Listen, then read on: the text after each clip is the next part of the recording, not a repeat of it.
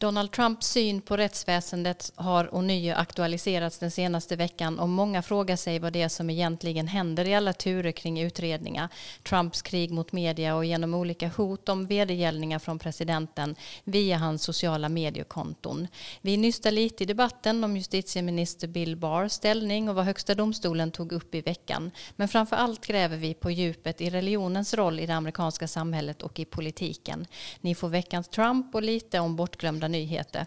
Vi som lotsar er genom dessa frågor är USA-baserade och mångåriga journalisten och författaren Karin Henriksson, professorn i Nordamerikas Dag Blank och jag Frida Stranne, forskare och krönikör i Expressen bland annat. Vi är glada att ni är med oss. Varmt välkomna att lyssna. I have a dream that one day this nation will rise up and live out the true meaning of its creed. This is a place where you can make it if you try. This is a country where anything is possible, no matter who you are. We do big things. Together, we represent the most extraordinary nation in all of history.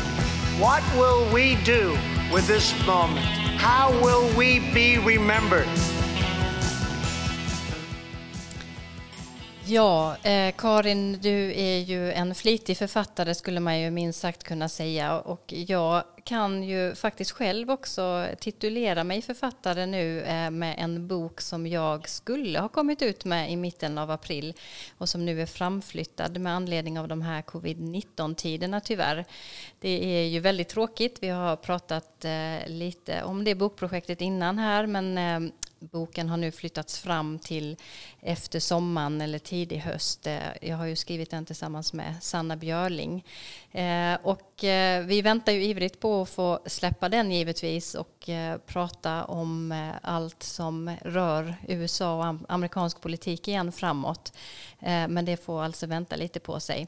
Men Dag, du har också skrivit en del böcker, kanske främst akademisk karaktär tror jag. Men vad har dina olika bokprojekt handlat om? Ja, de är mera akademiskt torra. Eh, det, det, det är, jag är historiker i, i botten så det berör olika aspekter av amerikansk historia och inte minst immigrationshistoria har varit en av mina områden. Den svenska immigrationen till USA och hur de svenska invandrarna blev en del av det amerikanska samhället. En etnisk medvetenhet uppstod där och och även kontakter mellan Sverige och USA på olika sätt har jag på med. Mm, den svenska-amerikanska relationen har du väl skrivit om? Ja, jo, det, det, det, har glidit in på det. Inte bara migration av personer utan migration av idéer brukar vi säga ibland. Hur idéer har flödat fram och tillbaka mellan de två länderna och påverkat varandra på olika sätt. Mm. Jag har ju också själv bara skrivit akademiskt innan men i den här boken så har vi fått eh, flytta ut lite mer och skriva om många olika saker som rör amerikansk politik och amerikansk kultur, umgängesformer, matvanor och allting och det har varit jätteroligt. Men vi kommer som sagt tillbaka till det. Eh, Karin, som jag sa inledningsvis, du är ju, ju är vår bokmaskin här, milt sagt. Du kommer ju ut med nästan en bok om året. Eh, eh, du får gärna nämna något om, om det som har varit aktuellt, men också vad driver dig i det där skrivandet? Ja, du, det är en bra fråga. Jag tror kanske att det är liksom någon slags yrkesskada efter alla åren i dagspressen. Då är det ju ens främsta uppgift att skriva artiklar hela dagarna. Men nej, det finns så mycket att säga och jag har ju bott i USA i så många år och har stött på väldigt mycket och eh, sen är det mitt förlag Lind Company som är intresserade och eh, förra året kom jag ju med en bok om alla USAs presidenter och det är frågan om det måste bli ett nytt kapitel till den i början av nästa år. Och eh, i höst så kommer det den bok som jag just har lämnat manus till som heter Bevingade ord i USA. Den är inte så ambitiös som den andra men den är ganska kul. Mm. Och säkert många som är intresserade av också på grund av det väldigt stora intresset för USA i Sverige. Eh, men nu för tillfället inte mer om oss och våra böcker utan över till händelsernas centrum. Eh, den här coronaepidemin har ju verkligen satt Donald Trump på prov och det faktum att hans administration hade en saktfärdig start där Trump först negligerade riskerna har ju också pressat honom hårt eh, nu efter vi har sett utvecklingen av den här pandemin. Vi har pratat tidigare om hur hans pressträffar mer eller mindre spårade ut till beslut och också hur han har agerat gentemot delstatsguvernörerna och uppmuntrat protester på olika håll. Men det har ju inte slutat med det. Ehm, läget i coronaepidemin har inte heller lättat i USA. Kan man först säga någonting om vad det senaste är, Karin, när det gäller det? Ja, det är ju precis som du sa just att det här är ju hans första existentiella kris så att säga. Det handlar ju om liv och död. Och eh, nu är det tyvärr så att eh, antalet dödsfall fortsätter att öka och testkapaciteten räcker inte till. Det finns ingen övergripande strategi för hur man ska öppna upp. Och Trump, han eh, han trappar snarast upp sin strid med, mot medierna.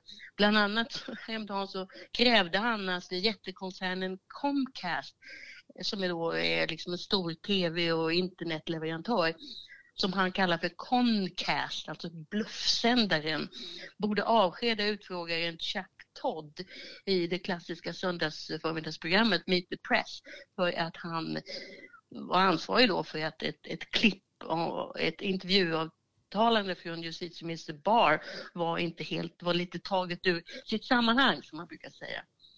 Och sen så, den senaste är att Trump och hans vänner i Fox News och i piratradion, man antyder att, dödssiffrorna är överdrivna. Alltså underförstått att demokrater och eh, medier gör detta för att de vill komma åt eh, presidenten. Men som den mesta är Trump är så är det ju han som sätter agendan. Och han fortsätter, det får man ändå säga att det är, det är en linje för honom. Att han, han pekar på det positiva. Vi ska klara det här. Vi är Amerika. Vi, vi eh, kommer inte liksom att uh, ge upp för det här. Nu måste vi, alla vill tillbaka och jobba. Vi är amerikaner, vi vill jobba. Och men sen också är det ju då parallellt med nya utfall mot Kina. Det senaste är att han kallar dem coronaviruset för den kinesiska pesten. Mm. Och sen så absolut senast är att han pekar finger mot Obama som då är avskydd av de här profilerna som Rush Limbaugh. Och eh, det där är lite komplicerat i, som alltid och um, det beror på att Obama gick hårt ut mot Trump i ett samtal med några tusen av sina anhängare och något liknande har aldrig hänt enligt Trump. Men det är naturligtvis helt fel för ex-presidenter och eh, har, kan ju då och då ha sagt något kritiskt om sin efterträdare. Och, men det, det, det som är större kallas plötsligt för Obamagate, nämligen att eh, Trump beskyller Obama för att ha känt till, ja det här blir så, ja ni kommer ihåg mm. Rysslandsutredningen och Flynn och alltihopa, att Obama kände till det här och han, han, han till och med kanske blåste under alltsammans. Att, eh, att Rysslandsutredningen var ett påhitt och så vidare. Så att nu tweetar Trump Obamagate varenda dag och hävdar att Obama till och med har begått något brottsligt. Men han har inte kunnat säga exakt vad det skulle vara. Nej. Jag tänker på, jag vet att vi har pratat i podden tidigare och för ganska många avsnitt sen, eh, jag tror att du, det var du Dag också som pratade om att eh, Trump blev mer och mer desperat och han gjorde olika utspel. Ser vi detta här nu ännu mer eller hur, hur kommer detta sig? Om man har följt hans Twitter nu de senaste veckorna så har det varit en enorm flit och mycket påhopp. Vad säger du eh, Dag?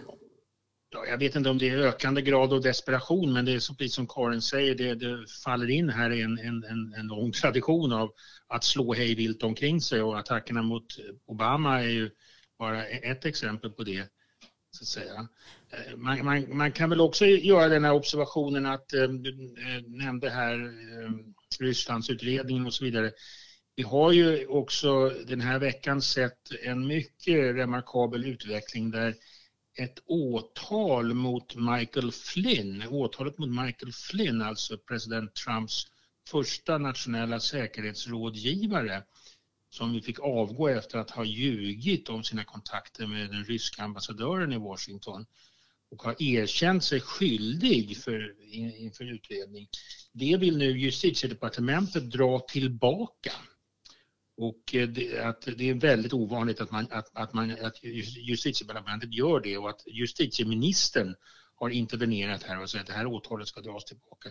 Det är fortfarande lite oklart huruvida det går. Det finns ett, ett, ett fall inför en federal domstol. Det finns en federal domare som ska ta ställning till det där. Men det säger någonting, tror jag, om vi har talat om det tidigare också, hur Trump hans syn på den juridiska processen, alltså justitiedepartementet i USA har en väldigt stor makt kan initiera utredningar på ett helt annat sätt än vad det svenska justitiedepartementet kan göra. De kan inte eh, de kan inte ta, bege, instruera svenska åklagare, de är inte anställda av justitiedepartementet i Sverige.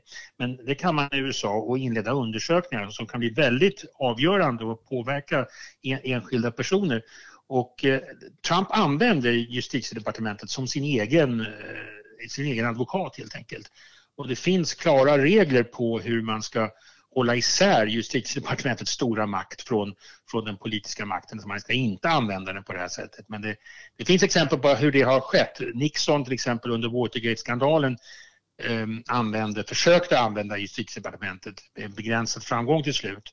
Och efter det så skärptes reglerna. Men Trump han tycks se justitieminister Barr som sin personliga advokat och som ska se till att allting går Trumps väg.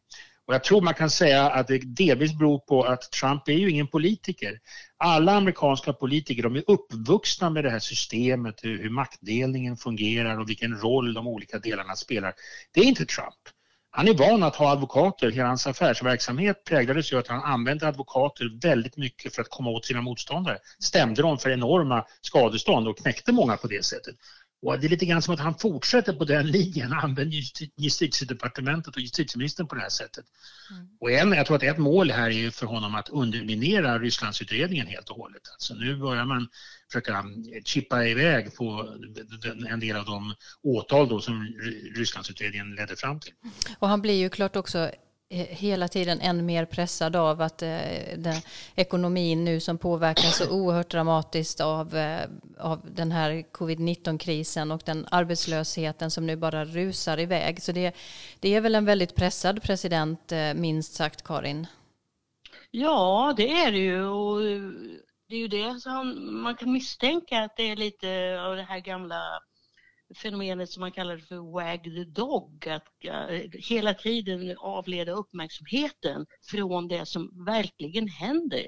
Det vill säga en ekonomi i kaos, en, eh, mycket frågetecken kring epidemin och inte minst då väldigt hårda granskningar av hela förloppet som de allra, allra, allra flesta är eniga om att han fördröjde reaktion, eller responsen.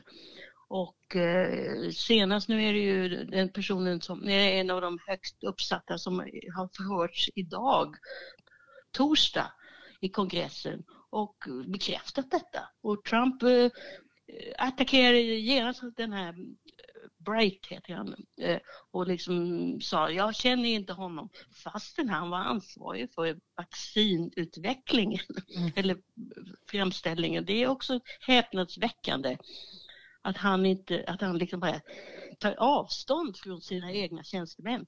Mm. Eh, jag tänker också att eh, ekonomin har ju varit eh, ett väldigt viktigt spelkort för honom inför höstens val. Och jag hörde på vägen hem i bilen hit en, en mycket bra reportage på, på P1 just eh, om att Trump nu eh, försöker att blåsa liv i den här optimismen som du nämnde Karin också. Han pratar om att eh, den ekonom, ekonomin ska bounce back eh, och göra ett väldigt skutt tillbaka igen och så. Och är, det hans, är det det han kommer att få använda sig av i sin retorik och i sin, i sin kampanj nu framåt? Eh, eller vad kan han mer ta till?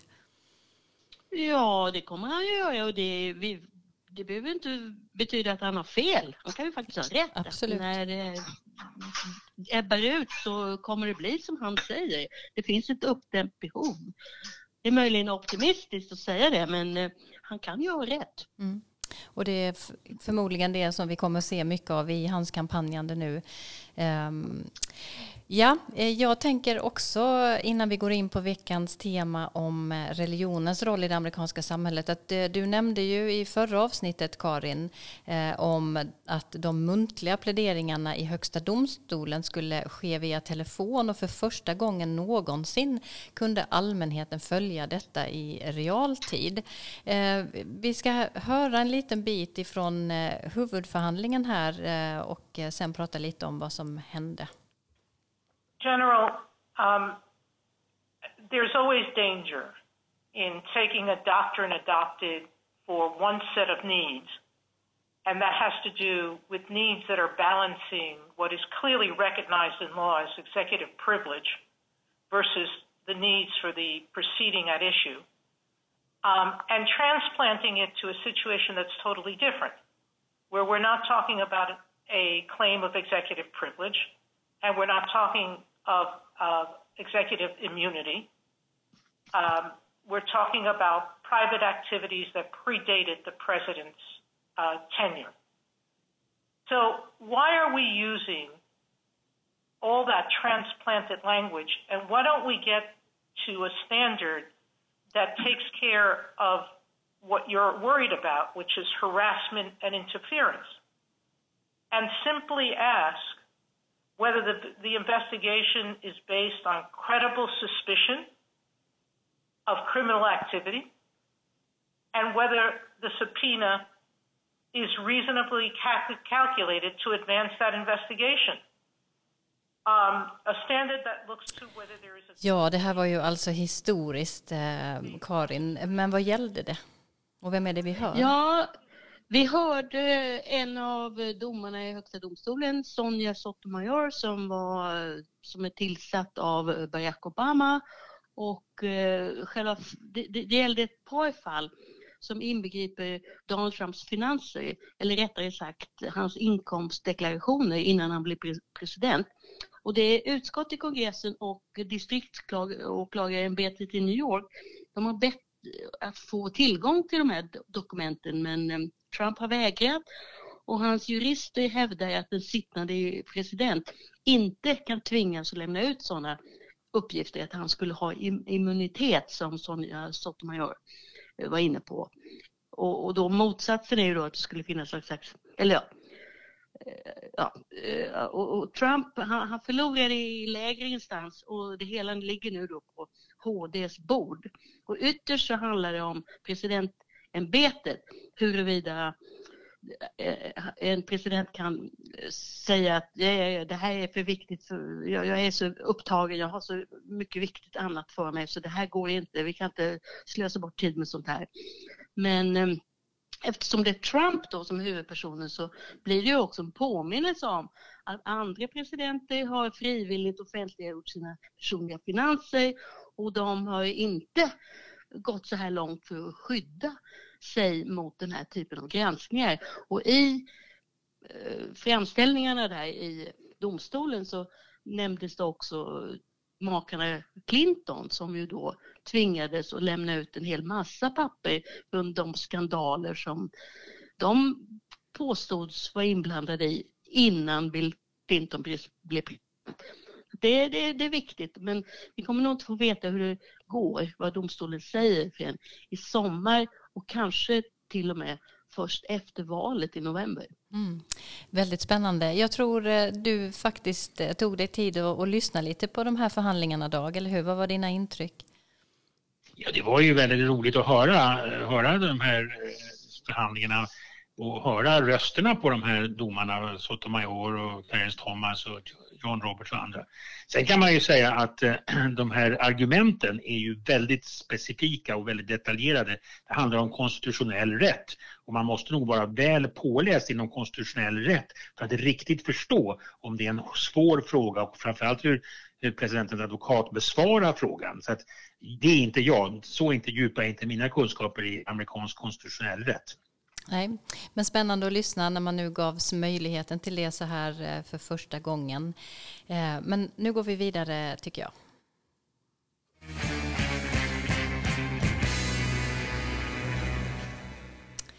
Ja, en av de saker som jag blev allra mest överraskad av när jag lärde känna det amerikanska samhället på slutet av 90-talet var den väldigt starka närvaron av religion och att det fanns så många kyrkor överallt. När man bilar över den amerikanska kontinenten och vidderna och besöker olika delstater så hittar man en kyrka i minsta lilla by och längs med motorvägarna så tornas stora kyrkor upp sig med väldigt jämna mellanrum med bud budord och kallelse till gudstjänster på enorma skyltar. USA har världens största kristna befolkning. Cirka 240 miljoner människor definierar sig som kristna vilket motsvarar ungefär 75 procent av den amerikanska befolkningen. Det är ändå en minskning med 10 procentenheter sedan 1990. Medlemskapen i religiösa samfund har också minskat med ungefär 10 procent mellan början av 90 90-talet och fram till 2014. Men de som är religiöst engagerade är i princip lika aktiva som tidigare. År 2011 ehm, då svarade 68 procent av amerikanerna att religion är viktigt eller väldigt viktigt i deras liv. Och motsvarande siffra bland svenskar var bara 26 procent. Skillnaderna mellan svenskar och amerikaner visar sig också när det gäller hur aktiv man säger sig vara i kyrkan. 35 procent av amerikanerna beskriver sig som aktiva medlemmar i en kyrka eller religiös organisation medan endast 6 procent av oss svenskar anger samma sak. Skillnaderna är också stora när man tittar närmare på hur den här aktiviteten ser ut i praktiken. Var tredje amerikan går i kyrkan en eller flera gånger i veckan medan bara en procent av svenskar gör det. När man träffar amerikaner runt om i USA är det också påfallande vilken roll kyrkan spelar för, för många människor. Eh, man pratar om sina engagemang i kyrkans aktiviteter. Ibland bjuds man på lunch först efter söndagens gudstjänst. Och det är inte alls ovanligt heller i vardagliga konversationer att man refererar till Gud eller till vad prästen eller församlingen har haft för synpunkter på olika sätt. I bilen så kan man ratta in en uppsjö av kristna radiokanaler och i vissa delstater är det till och med svårt att hitta något annat än kristna talkshow med under undantag för en och annan countrykanal. USA är en sekulär stat men samtidigt får religionen ofta en stark politisk prägel och när Barack Obama installerades som president 2009 var han faktiskt den första presidenten som i sin inledning även adresserade icke-troende. Nu ska vi prata om religionens roll i det amerikanska samhället och i amerikansk politik. Eh, och då måste jag nog ändå börja med den nuvarande presidenten Trump. Där ett av mysterierna med Donald Trump eh, faktiskt är att han är frånskild. Han ertappas med lögner eh, var och varannan dag. Han är inte särskilt benägen att förlåta sin nästa. Eh, och ändå har han ett starkt stöd i den kristna högen. Eh, vad beror det på, Karin? Ja, många eh, kristna alltså, kan man säga väckelsekristna, de, den grupp som kallas för evangelicals i USA, de slöt upp tidigt bakom Trump och en av dem är Franklin Graham som är son då till den kanske allra mest kände missionären, kan man väl kalla honom för, Billy Graham. Och eh, förklaringarna de det är dels då Trumps eh, löften om att tillsätta en viss typ av domare i högsta domstolen. Det är då hans, eh, Trumps då numera motstånd mot aborter. Men också, vilket kanske är lite överraskande, det finns en teori om att, att eh, de här evangelicals, de kände sig pressade, de kände sig liksom utanför, de kände sig inte riktigt accepterade. Och varför, det kan man ju spekulera i. Men de ser en själsfrände i Donald Trump. Och eh, han har ju på sitt skickliga sätt eh, nappat på detta, till exempel då att eh, det skulle vara förbjudet i det här politiskt korrekta USA att säga Merry Christmas, men ingen säger det med mer emfas än Donald Trump nu för tiden. Så det, det är ett skäl. Ehm, även om religionen är viktig i det amerikanska samhället så finns det ju konstitutionella begränsningar. Hur är det egentligen med religionen i konstitutionen, Dag? Ja, den är handlar mycket om den första meningen i det första författningstillägget, the first amendment. Jag ska läsa den på engelska. Congress shall make no law respecting an establishment of religion or prohibiting the free exercise thereof. Med andra ord, man får inte lagstifta eh, om en etablerad religion en statsreligion till exempel. Men man får heller inte förbjuda den utövandet av fri religion. Det är the establishment clause och, och uh, uh, the, free, the free exercise clause. Och det där beror på att den amerikanska konstitutionen och de amerikanska grundlagsfäderna kom ju ut ur den europeiska upplysningen och man hade väldigt specifika religiösa erfarenheter i Europa där det fanns statskyrkor och etablerade kyrkor. I Storbritannien hade man ju en established church och i Sverige hade vi statskyrkor religionen var oerhört stark.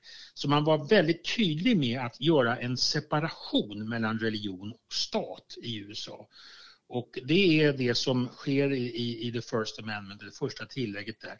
Och det finns ett berömt brev från president Jefferson från 1802 där han tolkar de här meningarna, den här eh, första meningen i, i, i the First Amendment.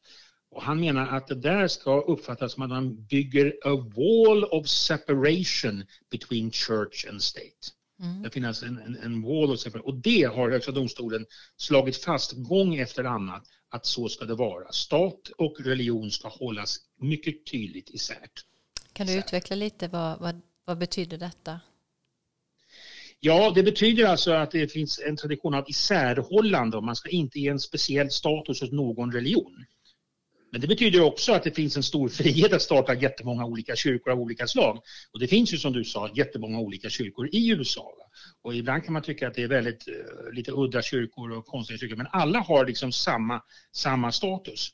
Och det har faktiskt, man kan, mycket man kunna säga, det faktum att det inte finns någon etablerad eller established religion har lett till att religionen får en stark ställning och under 17 och 1800-talet och långt in på 1900-talet så fanns det många väckelserörelser som drog fram över USA och religionen kom att spela en väldigt stor roll. Men allt detta var religion på frivillighetens grund, det är den viktiga utgångspunkten alltså här. Man kan jämföra lite här med svenska frikyrkor alltså. Och, och, och det, de kan ju bli väldigt starka och blev väldigt starka i, i USA. Och, och Inte minst på grund av den här separationen mellan kyrka och stat. Och många eh, tog väl sin tillflykt till USA just på grund av religiöst förtryck i hemlandet och hade det som en, en väldigt starkt skäl att, att emigrera. Absolut, det, det finns ju en lång, lång tradition av en uppfattning om att USA är ett land där man kan, dit man kan fly för att utöva sin religion. De första puritanerna som kom eh, på 1620-talet från England till, till, till nya England, till New England. Det var ju en religiöst motiverad emigration och där man skulle skapa en ny stat, ett nytt land, samfund där man kunde då utöva sin religion i fred. Och den uppfattningen är oerhört stark fortfarande och det har fortsatt att vara så. Vi kan ju tänka på den svenska emigrationen Eh, de Bishop Hill, Illinois, den lilla kolonin av, som Erik Jansarna som utvandrade på 1840-talet, det var personer som sökte religiös frihet i USA. De flesta svenskar utvandrade av ekonomiska skäl men, men det fanns en, en, en religiöst motiverad utvandring. Så den uppfattningen har hela tiden funnits där, att USA som, ett, som en eh, säker plats för religionens utövande. Mm och väldigt många som praktiserar eller praktiserande troende. Men på senare år så har ju fler och fler frågor kommit och börjat diskuteras. Eh, bland annat eh, skolböner har diskuterats väldigt intensivt. Vad, vad tycker du att det visar? Ja, just frågan om skolböner i allmänna skolor är en väldigt bra illustration till den här separationen mellan kyrka och stat. Skolbön förekom i amerikanska allmänna skolor ganska brett under 1800 och 1900-talen. Däremot är undervisning i religion i allmänna skolor har alltid varit begränsad. Det är därför det växte fram från 1800-talets mitt separata, framförallt katolska skolsystem i USA. Där de, när de katolska invandrarna kommer så ser man att man kan inte ha, får ingen religiös undervisning i de allmänna skolorna så då skapar man egna skolor på frivillig grund. Och det finns många fortfarande starka och mycket bra katolska skolor från lägsta till högsta nivå, allra högst upp till universitet och så vidare. Men under den här faktum att man hade då en skolbön i de allmänna skolorna det blev en, en, kontrovers för där menade man att där fanns en sammanblandning då mellan stat och, och religion. Alltså statligt finansierade allmänna skolor skulle inte ha skolbön. Och på 1960-talet kom två utslag i Högsta domstolen som förbjöd allmänna skolor att ha skolbön och sedan 1971 finns det vissa regler som styr under vilka förhållanden man får ha eh, religiösa aktiviteter i allmänna skolor. Man kan göra det under, under, under, under vissa, men det är en väldigt känslig fråga. Det, återkommer i många andra delar av det offentliga livet i USA också. Kan man hänvisa till, hur mycket kan man hänvisa till religion? Kan man ha Bibeln närvarande och, och, och så vidare? Och, och, det där är konstanta avvägningar som görs och det beror på den här separationen. Mm. Och samtidigt så tillåter man ju ganska generöst i olika delstater hemundervisning eh, som har en starkt religiös prägel, eller hur? Så är det. Alltså det finns inget förbud mot att starta egna skolor på religiös grund. De måste följa vissa grundläggande läroplaner. Det, det har, en annan stridsfråga är till exempel undervisningen i, om evolutionen till exempel. Va?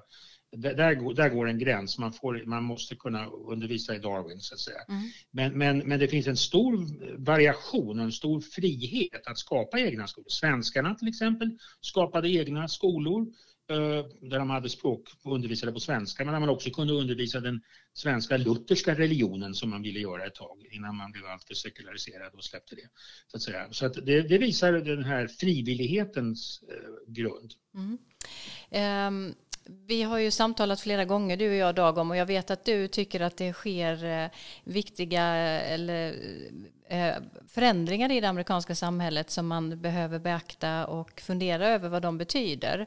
Eh, det har skett stora förskjutningar menar du. Vill du utveckla det lite? Ja, det var lite som du antydde här. Det, är ju, det finns en hel, mycket statistik på hur många människor som tror på Gud och hur många som går i kyrkan och så vidare. Och det har ju varit alltid en stor andel av befolkningen har gjort det och traditionellt sett har ju religionen varit väldigt stark. Om man går tillbaka ett halvt sekel eller så, så hade religionen en mycket stark. När jag kom till USA första gången på 1970-talet så var det ju självklart när jag studerade, man åkte hem med goda vänner över helgen. Då gick man alltid i kyrkan.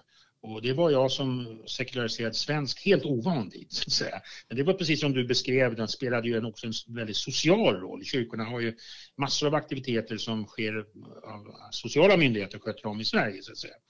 Men på senare år kan man se en tendens på att medlemskap i kyrkorna går ner. Både de traditionella kyrkorna men även bland de evangelikala grupperna. Medlemskapen går ner. Och 2018 är faktiskt mindre än hälften av alla amerikaner medlemmar i någon kyrka. Och kopplat till det så finns det en del värderingsförändringar i det amerikanska samhället. Och slutligen kan man säga att det som kallas för The Rise of the Nuns. Och det är inte nunnor alltså, N-U-N, utan det är N-O-N-E. Ingenting. De som inte har någon religiös tillhörighet. Om man frågar vad är religiösa tillhörighet, så säger de none. Det betyder inte att de är ateister, men de, de har ingen, ingen samfundstillhörighet. Och den gruppen växer starkt och det är starkt knutet till bland ungdomar, det är de yngre, i de yngre befolkningslagren. Så den här försvagningen av religionens ställning sker ganska snabbt faktiskt och bland de yngre befolkningsgrupperna. Mm. Karin, eh, har du någonting att, att, säga om, eh, om det här med förändringarna i, i kyrklighet eller i värderingsförskjutningar i USA idag?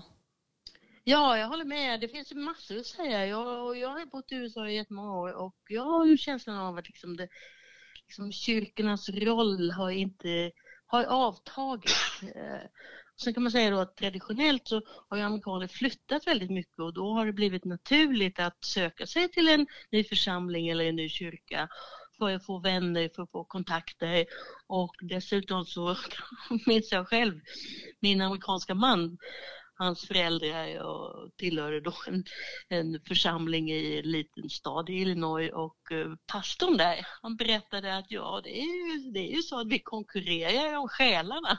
Så den aspekten finns ju också, att kyrkorna måste anstränga sig på att och behålla sina medlemmar. Det är ju det som de lever på så att säga. Så att det, och, och sen är det ju de här megakyrkorna som lockar många som är nästan religiösa om man kan säga så. Det är inte så tydligt att liksom det är Jesus och Gud som är huvudpersonerna utan det är mer en allmän känsla av gemenskap och uh, man samlas för att tänka efter och så. Så det är mycket som händer. Mm.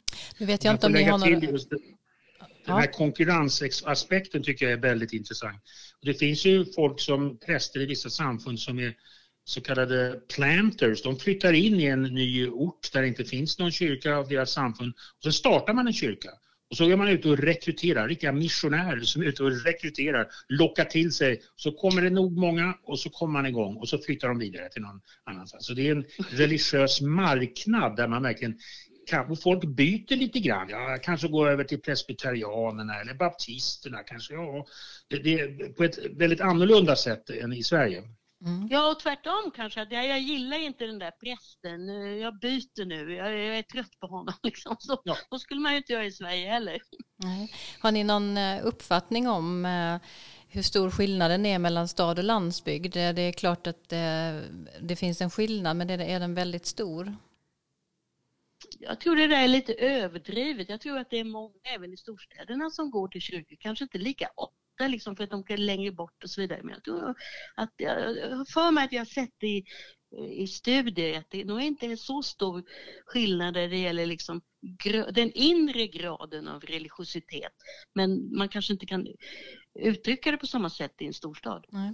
Jag vet att det är ju inte alltid så representativt att utgå ifrån Washington när man pratar om, om olika frågor men jag, jag, brukar själv besöka olika kyrkor för att lyssna på prästerna, framförallt eh, afroamerikanska kyrkor som ju också kan ha ett ganska politisk ton i, i söndagsgudstjänsten och annat sånt. Och jag kommer ihåg när jag första gången eh, förstod eh, hur väldigt välbesökta också de små kyrkorna som finns inne i centrala Washington är som är belägna nära tankesmedjorna och kongressen och sånt och att faktiskt folk på lunchen verkligen besöker kyrkorna. Men nu kommer ju folk från olika delar av USA och jobbar i Washington men, men det är ju eh, sådana saker som man eh, kanske förvånas lite över som svensk som kommer från ett väldigt sekulärt samhälle med väldigt liten religiös närvaro på olika sätt.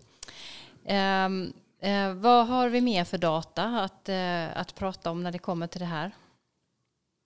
Ja, alltså det, de här, eh, om man säger att det finns en, en sorts nedgång i medlemskap, det tror jag man kan säga. Samtidigt som du sa, de som är medlemmar, många av de som är medlemmar är väldigt starka medlemmar. Det är lite grann de här Trump, eh, Trumps eh, supporters, de känner sig som Karin sa, lite utsatta. Va? De känner att de är en, en utsatt grupp och därför blir de allt mer aktiva. Men man kan ju säga då att de här, det finns en del värderingsförskjutningar som är ganska remarkabla. Synen på äktenskap till exempel är det nödvändigt att gifta sig eller är det acceptabelt att bo tillsammans? Och att vara sambo som vi säger i Sverige, när jag kom till USA i början, det var ju inte vanligt då alltså, utan det var, det var den mer traditionella giftermålet. Eh, men eh, i, idag är det nog så att eh, en, en betydande andel accepterar samboskap idag och där ser man framförallt bland de under 30, där är det en majoritet av befolkningen som tycker att det går bra att bo tillsammans utan att vara gift. Eh, samma sak med synen på homosexualitet som ju också var en stor stridsfråga bland många religiösa grupper och konservativa grupper. 2008 stödde 40 procent samkönade äktenskap och 2016 var siffran uppe i 58 procent. Där har man sett en väldigt snabb värderingsförändring. Abortfrågan brukar ju vara en annan fråga som man kan ta upp. Den har inte sett samma, samma förändring. Abortfrågan är fortfarande en väldigt kontroversiell fråga.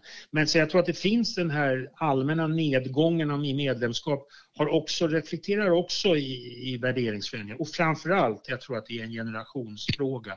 Det är de yngre, eh, yngre generationerna som, som omfattar de här värderingarna. Mm, jag tänker också där att det kan vara viktigt att lägga till att det är lite svårt att fånga alla de här värderingsförändringarna, vad, som, vad grunden är alla gånger. För att eh, jag vet och har förstått också av olika undersökningar att väldigt många av eh, religiöst konservativa eh, har också ändrat sin syn till exempel på homosexualitet och samboskap utifrån att många profilerade politiker och andra eh, eh, som eh, är eh, också själva kristna har haft döttrar och eh, Dick Cheney till exempel är en sån eh, stark eh, politiker. Eh, och i takt med att man har haft eh, en, eller fått upp ögonen för de här sakerna mer så har det också skapats en acceptans bland de här grupperna, inte nödvändigtvis för att deras religion, religiositet minskar utan för att det också sker en värdeförskjutning inom eh, religiösa samfund. Eh, Karin, eh, vill du säga någonting ja. om detta? Ja, nej, men jag håller med om det ni säger. Ju, att, eh, också det, det är ju liksom också så att, då, att det har blivit accepterat i samhället och så, så att säga komma ut ur garderoben. Och det betyder ju då att, att många människor, ja men min brorson eller min bror, min syster, min, eh, till och med min mamma kanske, är då homosexuell och då, då blir det ju en annan acceptans. Det är ju liksom självklart.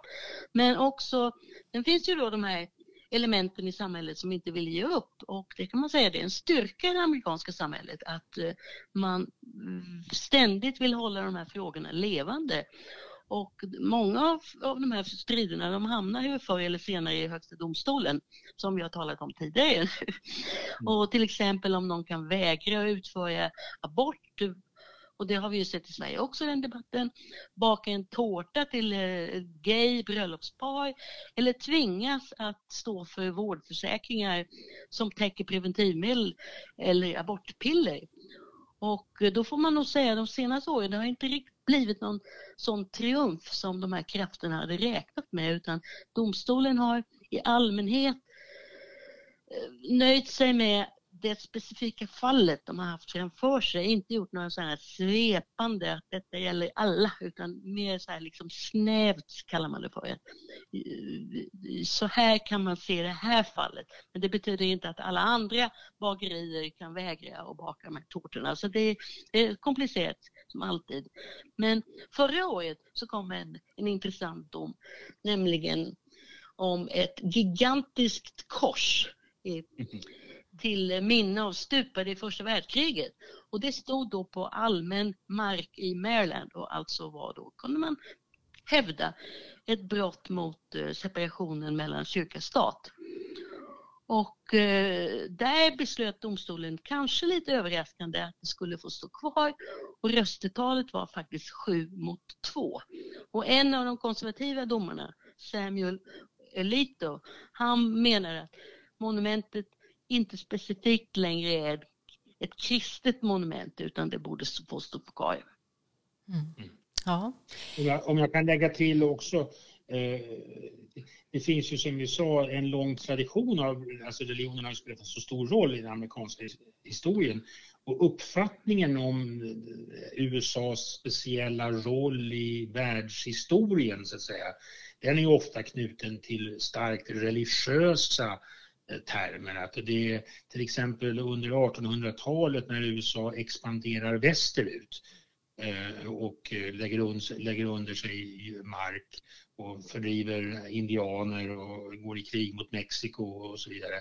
Och när man har kommit fram till, till Stilla havskusten, det är det som kallas för the westward expansion.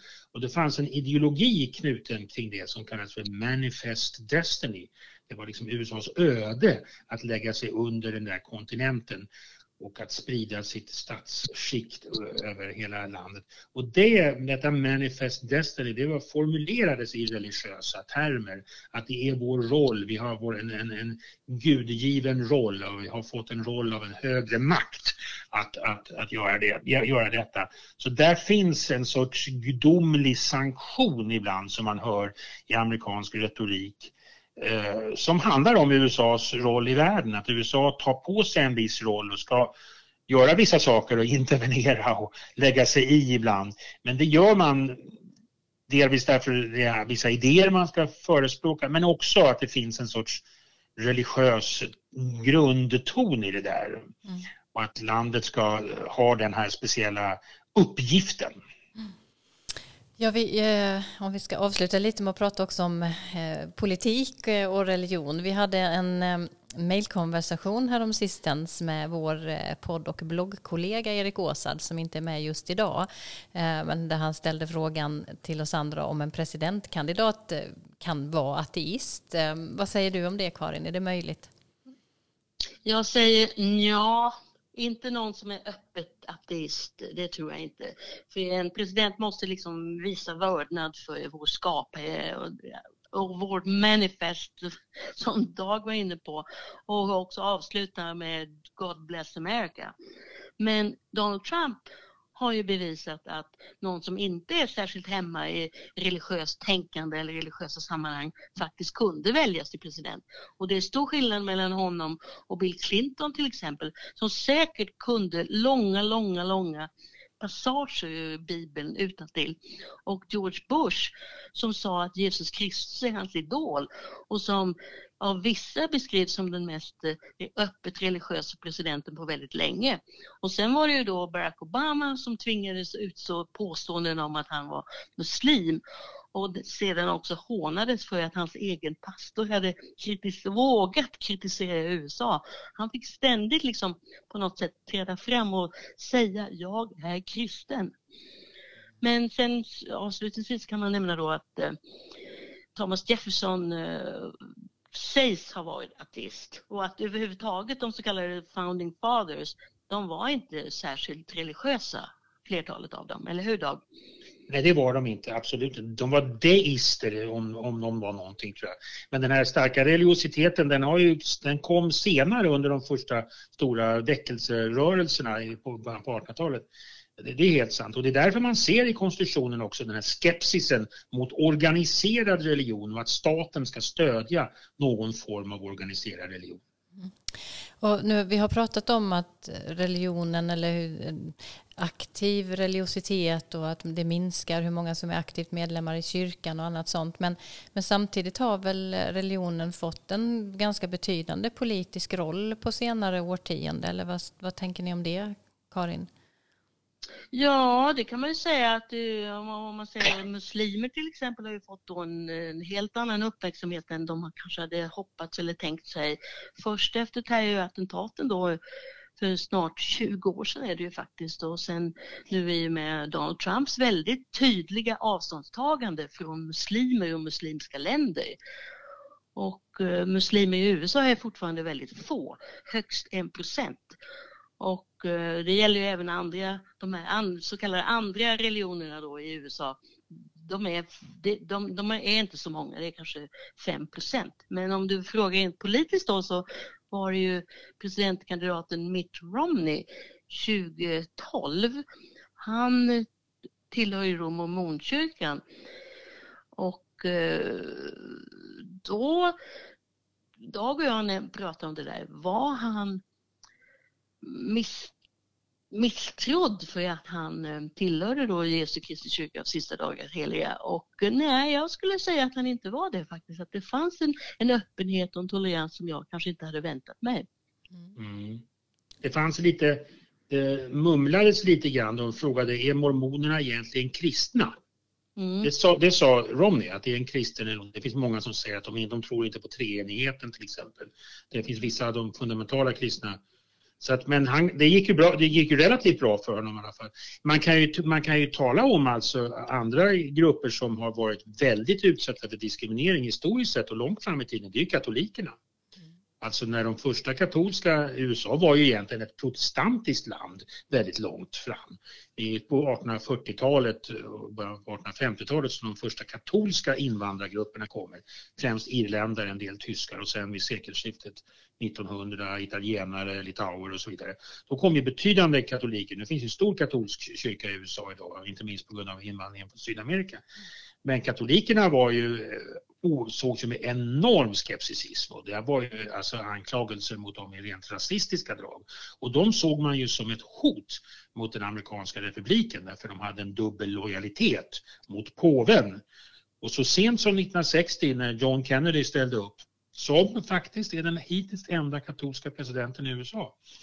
När han ställde upp då fick han konfrontera detta, sin religion, sin katolicism alltså i en berömd intervju med några protestantiska pastorer när de ställde frågan helt enkelt. Vem kommer ni vara lojal mot, sir? Och då sa han att han skulle naturligtvis vara lojal mot, mot USA. Och sen gick den där frågan lite grann bort, skulle man säga. Vi har ju en eh, katolsk eh, kandidat nu idag jag skulle precis sida. säga det, att eh, det kan ju mm. faktiskt bli så eh, mm. att USA får sin andra eh, katolska president om Joe Biden skulle vinna över Trump i höst. Eh, men nu springer tiden iväg och jag tror att vi får lämna detta och faktiskt gå över till Donald Trump i vårt lilla avsnitt Veckans eh, Trump.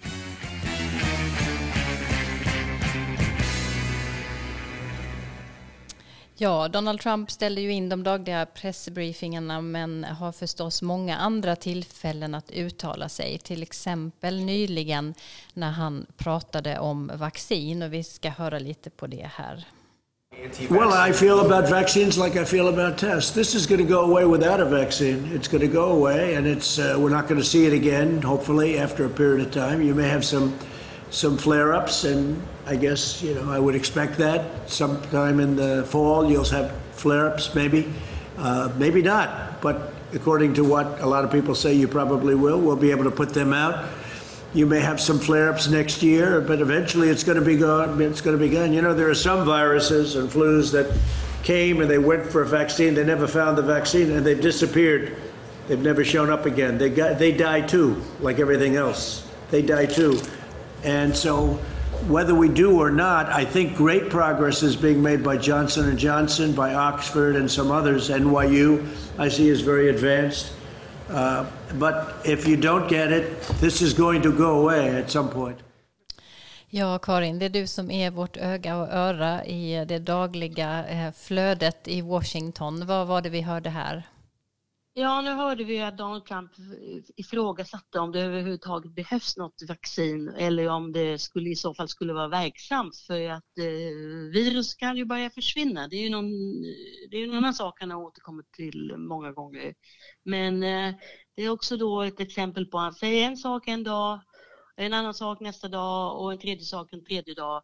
Och möjligen här, det är nog inte helt otänkbart, är att han eh, flörtar med den grupp som kallas för anti-vaxxers som är emot vaccin överhuvudtaget. Men ehm, så har, han har ju, Donald Trump har heller inte velat tro på experternas utlåtanden om att det skulle ta ett år kanske att få det här vaccinet och det vill han väl inte tro på. Då kan man lika gärna säga att det, det skulle ändå inte betyda något. Nej. Nu vet inte jag om du är uppdaterad på de senaste siffrorna, men hur, eh, han, han, blev ju väldigt ifrågasatt efter uttalanden om eh, att använda olika medel som eh, ett, eh, ett, ett botemedel mot eh, den här covid-19 och så vidare och han ställde in sina eh, dagliga pressbriefings efter det. Men hur ser stödet ut just nu för honom? Eh, vet du något om det från den senaste veckan? Ja, det var en mätning så sent som i går och idag. Och jag tror att det sades att han har typ 43 procent som tycker att han sköter det här bra medan då guvernörerna i många delstater har över 70 procent. Det är ju inte bra. Nej. Även om 43 procent låter mycket så betyder det här är ju ändå en nationell kris och eh, att presidenten då inte har ett högre tal än inte ens en majoritet är naturligtvis graverande. Mm. Och samtidigt har Joe Biden en väldigt svår situation eh, att eh, fortfarande sitta inne i sitt hus i Delaware och försöka driva en kampanj. Hur, hur går det? Ja, alltså det går väl inte så jättebra, men de skickar ut lite nya elaka reklamsnuttar om hur Trump har skött det här och elda på då den här misstänksamheten som, som finns i många läger, även mot själva öppnandet. Det är många som känner sig rädda och tycker inte att de får tillräckligt stöd i sina krav för bättre tester och så vidare. Men eh, Biden då lite under radarn så har han just skickat ut, apropå det vi talade om förut, han skickat ut ett eh, meddelande att han har just antagit ett eh, en American en American Agenda for Muslim Americans för att visa att vi demokrater vill ha er, vi tänker bry oss om er, till skillnad då från Donald Trump. Så det är ju, Demokraterna hoppas ju, eller måste hoppas på att få in, locka in en, en, en, stor andel av alla minoriteter i USA och muslimerna är då en av dem. Mm. Ja, eh, det är, kommer bli mycket att följa framåt och det är ju, kommer ju, det enda vi vet säkert är ju att det kommer att bli en kampanj vår, eller sommar och höst och ett val som inte liknar något tidigare. Och vi kommer ju fortsätta följa det här. Men om vi avslutningsvis idag ska säga någonting om det vi också brukar ta upp, nämligen vilka nyheter har kommit bort i den nyhetsbevakning vi har som ju nu är väldigt fokuserat givetvis på covid-19. Har, har du något sånt Karin? Ja, bara helt kort. Jag såg en, något som glimtade förbi om att eh, för första gången någonsin är el eh, tillgång, eller vad ska man kalla det för, genereringen av el, det heter inte produktion av el har jag förstått, utan liksom, det genereras mer el från, från förnyelsebara källor än kolkraft just nu och det är ju ett trendbrott. Verkligen. Dag, har du någonting? Ja, jag vet jag, som jag sa, jag är lite intresserad av svensk-amerikanska relationer.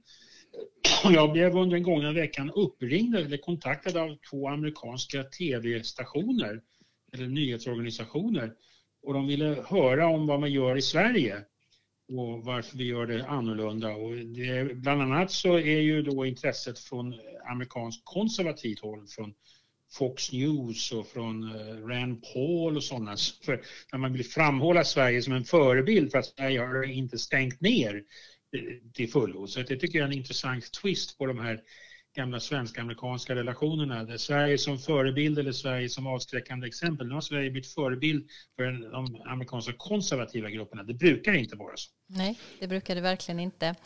Eh, varmt tack för intressanta samtal i vanlig ordning, Karin Henriksson och Dag Blank. Tack Fredrik Lindström för ljudinslag och till mig själv för inspelning och rattandet vid inspelningsapparaten. Tills vi hörs nästa gång finns eh, mycket att hålla ögonen på. Kanske främst hur eh, eh utvecklingen är med den oerhört ansträngda situationen på arbetsmarknaden i USA och fattigdomen och problemen som följer i dess spår. Eh, men också då hur Joe Biden ska få fart i sin kampanj och nå ut eh, till väljare från sin källare. Och givetvis Donald Trumps Twitter, den vilar aldrig. Vi är tillbaka igen om två veckor när maj börjar gå mot sitt slut, eh, närmare bestämt den 28. Ta hand om er själva och varandra tills dess. I have a dream that one day this nation will rise up and live out the true meaning of its creed. This is a place where you can make it if you try. This is a country where anything is possible, no matter who you are. We do big things. Together, we represent the most extraordinary nation in all of history. What will we do with this moment? How will we be remembered?